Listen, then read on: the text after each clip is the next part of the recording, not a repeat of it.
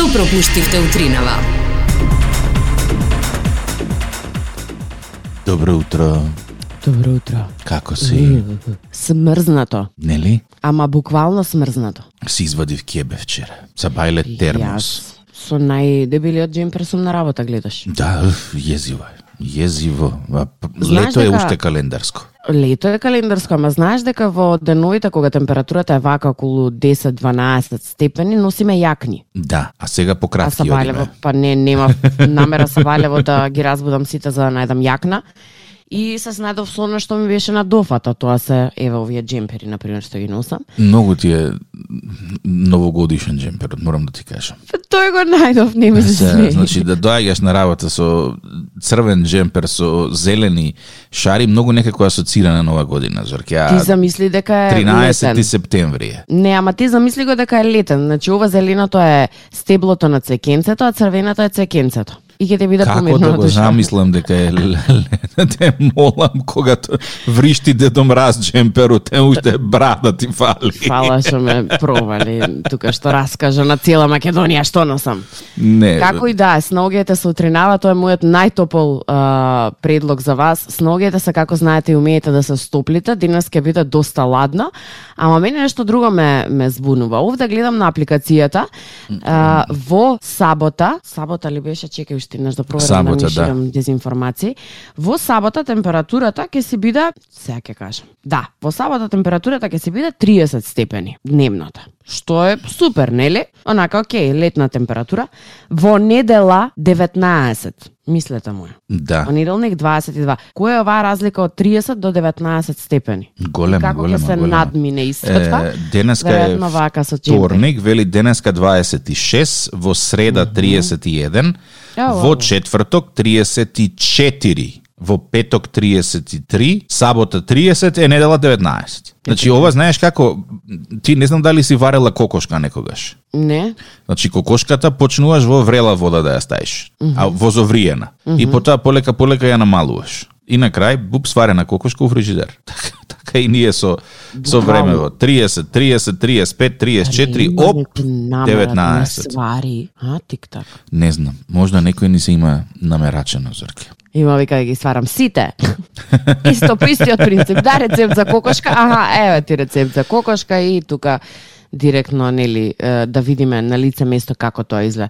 Не знам, не е пријатно, искрено да ти кажам, мислам се нормално е дека ќе намалуваат температурите, ама оваа температурна разлика што ни се случува на вистина не е пријатна. Е сега, како и за се друго, ќе се навикнеме, немаме баш друг избор, освен нели да си тераме и да се адаптираме на она што ни се сервира.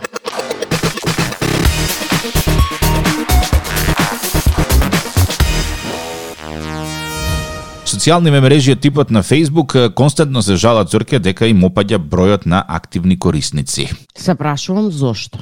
Затоа што, според едно истражување, е, пандемијата предизвикала луѓето константно да скролаат низ социјални мрежи поради додатно слободно време и постојани лоши вести. А лоши вести колку сакаш. Пандемии, војни, климатски промени, инфлација, криза, нема храна, има храна, нема вода, има вода. Според последното истражување, објави Guardian, скролањето може да доведе до лошо ментално здравје, но и физички последици. И изгледа луѓето полека полека почнаа да го сваќаат тоа. Константното скролање вели е тенденција постојано да се читаат лошите вести на интернет, иако вестите се тажни и депресивни, што се? индиректно влијае врз расположението на оној кој што ги чита, па така луѓето стануваат се подепресивни. Кај 16,5% од 1100 испитаници се појавиле знаци на проблематична количина на прочитани вести што довело до голем степен на стрес, анксиозност, влошување на здравието и замор. Аха, аха, добро. Сите оние кои што читале проблематични е, вести, имале слични однесувања, односно станале абсорбирани од медиумската содржина, станале преокупирани со мисли за вестите, а се обиделе да го намалат стресот читајки вести. И кога веќе еднаш ќе се навлечеш, крај. Не можеш да Значи- престанеш да да скролаш. Да, ма многу логично е, нели ние после одење на работа и после да речеме некој одреден период, е, са, јас и ти баш не, ама луѓе кои што да, да речеме од 8 до 4, после некој одредено време, е, едноставно да се соочуваат со стрес, со потешкоти, со со сето тоа што го наведе ти како еден лош извор од од информации. Веројатно тоа се однесува на стресот кој што го доживуваш додека читаш лошата информација. Мислам не може да ти е седно ако читаш дека да речеме поскапува ова, поскапува струја, не знам, немало таму нешто или нов закон се спрема. Едноставно, да, нормално е дека ќе се чувствуваш стресно. А после тоа тоа ќе резултира со замор, со депресија, со а, можеби аксиозно, аксиозност на одредени однесувања или теми. Така што многу е логично и, и гледам зошто се помалку луѓе има на социјална мрежа Facebook заради тоа што постојано се вртат некои исти лоши вести, нели со цел нивната цел е постојано кликање на истата вест, меѓутоа кај тебе тоа предизвикува многу негативни чувства, Така е. па и однесувања. И потоа возот почнува да си врви, ти стануваш депресивен или депресивна. Знаеш како го решив јас, јас тоа?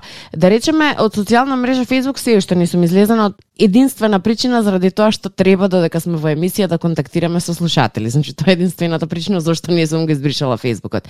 Меѓутоа, на база на тоа други медиуми, да речеме телевизија, не гледаме дома вести. Не, тоа престанав одамна, меѓутоа мислам не дека ме стресува од почетокот на вестите, на дневникот, на кратки, долги вести, до крајот сум стресана.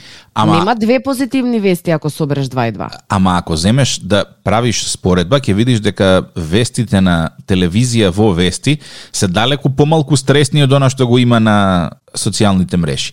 Барем се Апсолутно. некако обландирани и презентирани така да не те толку шокираат колку е. Шокантно Зависи. откритие, Некои- три точки, чек, чек, Некои чек. вести се направени и наменети да те шокираат, иако се многу смешни. Значи, тоа е веројатно некоја уредувачка политика на некоја телевизија, да речеме.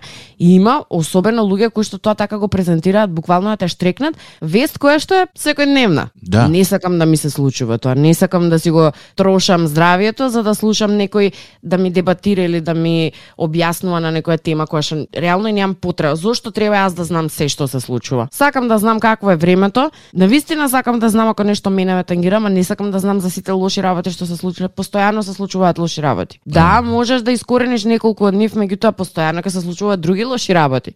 Така што, не знам, едноставно решив да не гледам вести, сум многу срекна. Единствени вести со кои што имам допир се оние кои што ги читам во 8.30. И како влие тоа врз своето ментално здравје? Не сакам, не ми се допаѓа оно што го читам. Најчесто се тоа негативни вести, меѓутоа тоа е оно што треба да се прочита. Е, некои се јавува, добро утро, како си утринава? Одлично, многу ми е мило. Интересно прашање имате како човек да се справи со стресовите и како да се справи со овие секојдневни работи. Добро. Јас јас работам на шалтер за издавање на лични документи. Што значи дека секој ден сум со интересни работи и со многу луѓе.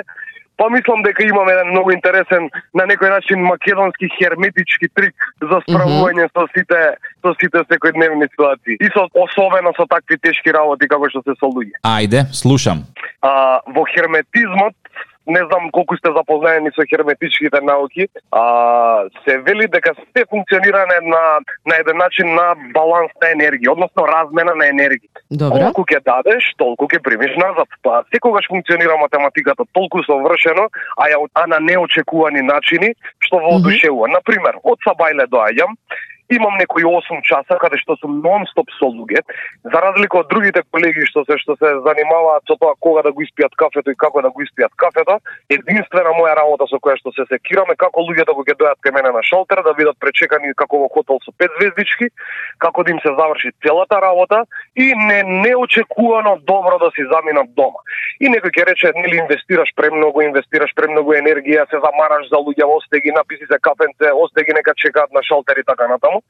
Арно ама, јако ги си запалам кола за да си доаѓам на кај дома, луѓе, верували или не, од сите страни најубавите работи се случуваат. Од сите страни доаѓаат убави работи. Колку поише се инвестирам во ам, не би рекол некого да го задоволиш, него да си ја одработиш најдобро својата работа, која и да е во денот, Mm -hmm. Верувајте, подоцна во денот, секогаш ти универзумот си ги израмнува сметки. Значи, на добро враќаш со добро, на лошо па враќаш со добро. Библиската ја па, тераш ти. Си, ти си го диктираш твоето темпо и твоите ситуации. Не може, ако дозволиш ти на некоја лошо да постапиш повторно со лошо, онда он тебе ти го менува целиот курс на, на, на денот. Значи, и на ти... тоа како тебе ќе ти изгледа денот. Цело време фураш позитива, насмеан. А, да единствената негатива кај што ја терам кој што мора да ја тера човек, пошто не може едното без другото, како рековме, нели баланс мора да има на се. Секогаш ќе се случуваат добри ови добри и лоши работи. Нема тука бегање од ниту од едното, ниту од другото.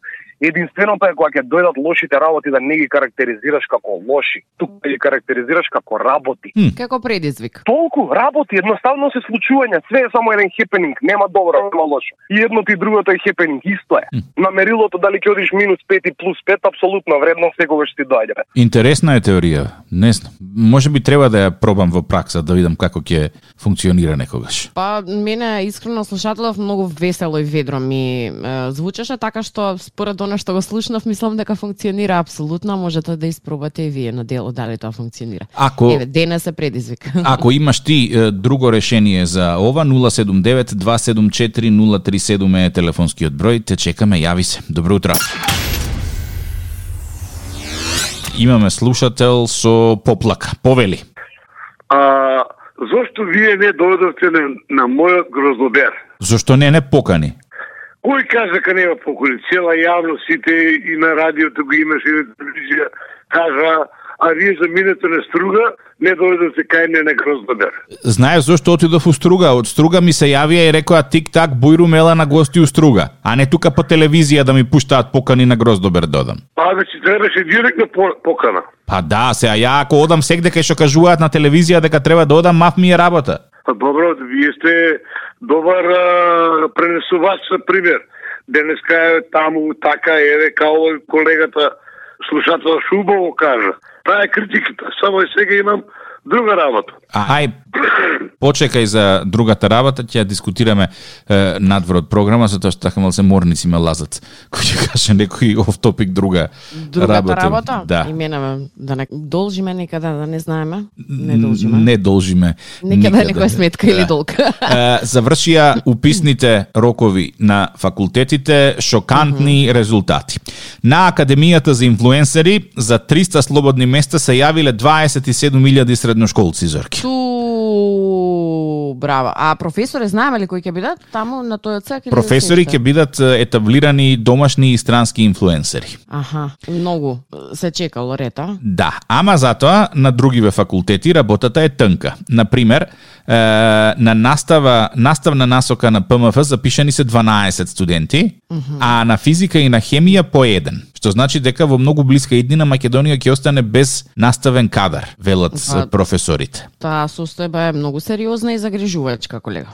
На катедра за македонски јазик се запишани само 16 лица од 168 слободни места. Јазикот не го даваме. мое време, реално ова е многу ниска бројка и општо мислам дека е ниска бројка. Баш 16, сигурна сум дека понудени се многу повеќе места од 16. 160 се понудени, а 16 се пополнети. И израчунај дека до крајот на, да речем, студирањето ќе се преполови бројот на студенти кои ќе отиде некаде, кои ќе се омажи ожени и ќе го остават студирањето, што значи просек да земеме од овие 16 студенти 8 ќе завршат до крајот на на студиите. Добра? Па, М, добро. Многу мала бројка. Ама види, со години кај нас се немало некоја стратегија за уписи на а, факултети, затоа што горе-доле Не знам. Меѓутоа бројките што ми ги кажуваш ми се и фрапантни, и страшни, и, и језеви со оглед на тоа што се работи за една од најважните, можеби, професии овде кај нас, а тоа е професор по македонски јазик, без Добра. кој ние ова денес не би биле што сме. така е. Од почетокот на, на учењето, на студирањето, на учењето да пишуваме полжавчиња и така натаму, нели па од пето оделение, наше пето оделение, сега шесто по ново, учењето на сите оние важни книги, лектири кои што треба да ги научиме, па се до основите на македонскиот јазик. Мене ова ме, ме плаши да ти кажам искрено, ќе останаме без најважните можеби сега да не ми замерат другите професори, ама ако не си го знаеш добро македонскиот јазик, на кој јазик ќе ги учиш другите предмети? Немам поима. Нај најинтересно нешто што што приметив е, викендов кога бев во Струга и така мал се прво бев шокиран, а потоа викам па да, е, имаше некој фудбалско игралиште. И е, деца тренираа фудбал, ама деца, значи некаде на возраст од што знам, 5 до 7 години. И сега македонските деца меѓу себе се довикуваат на македонски, албанските деца меѓу себе се довикуваат на албански, а кога треба да комуницираат меѓу себе зборуваат на англиски. Сериозно ова? Да. И вака подзастанав и прво пробав да да сконтам што се случува и после сватив кој е алгоритмот и викам видиш децата решаваат проблеми. Да си нашле начин како да се договараат и да си комуницираат.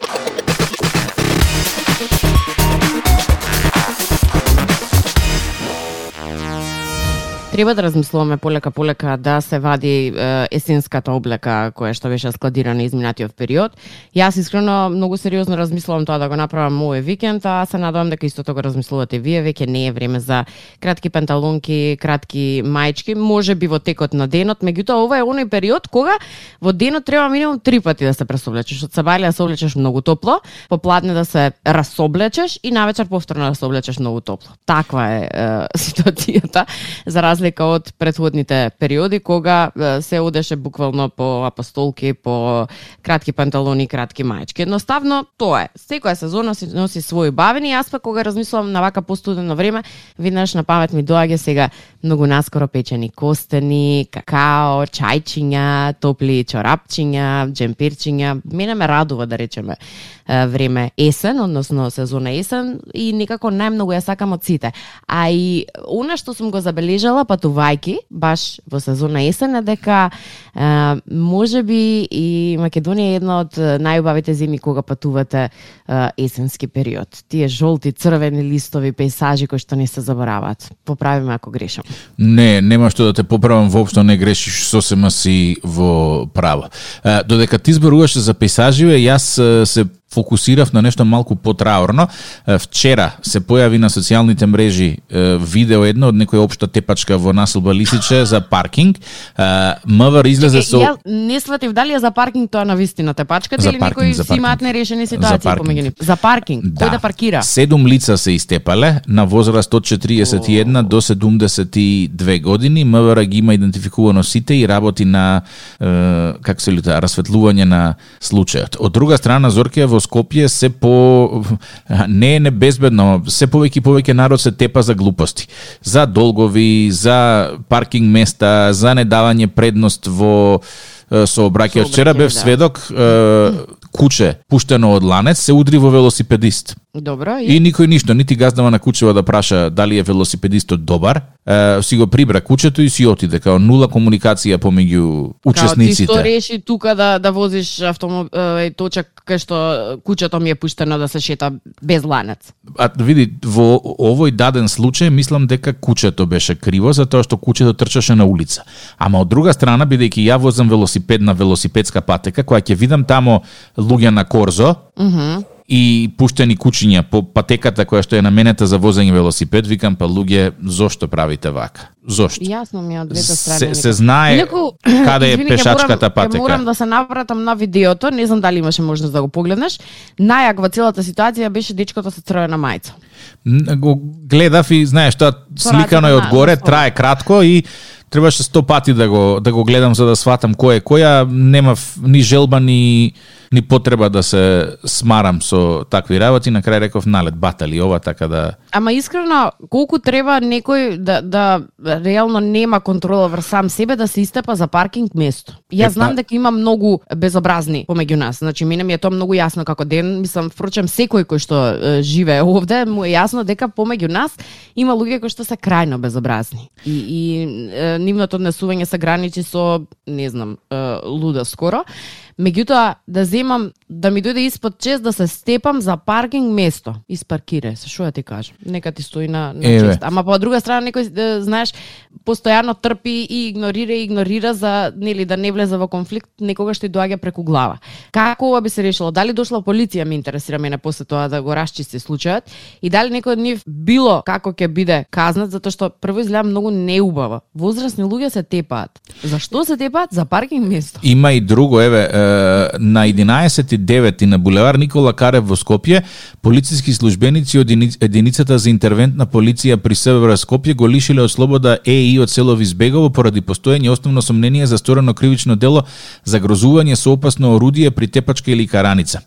Имено непосредно пред тоа на улица Македонско-Косовска бригада ЕИ кој управувал мотор Пијаджо со скопски таблички по претходна расправија поради недоразбирање во сообраќајот со АХ од Скопје, кој управувал патничко возило Пасат, извадил пиштол, но бил спречен да го употреби. Добро, што направил овој со пасатот за овој да му извади пиштол, не ми е јасно. Види, некогаш не мора да направиш ништо за да некој ти извади пиштол.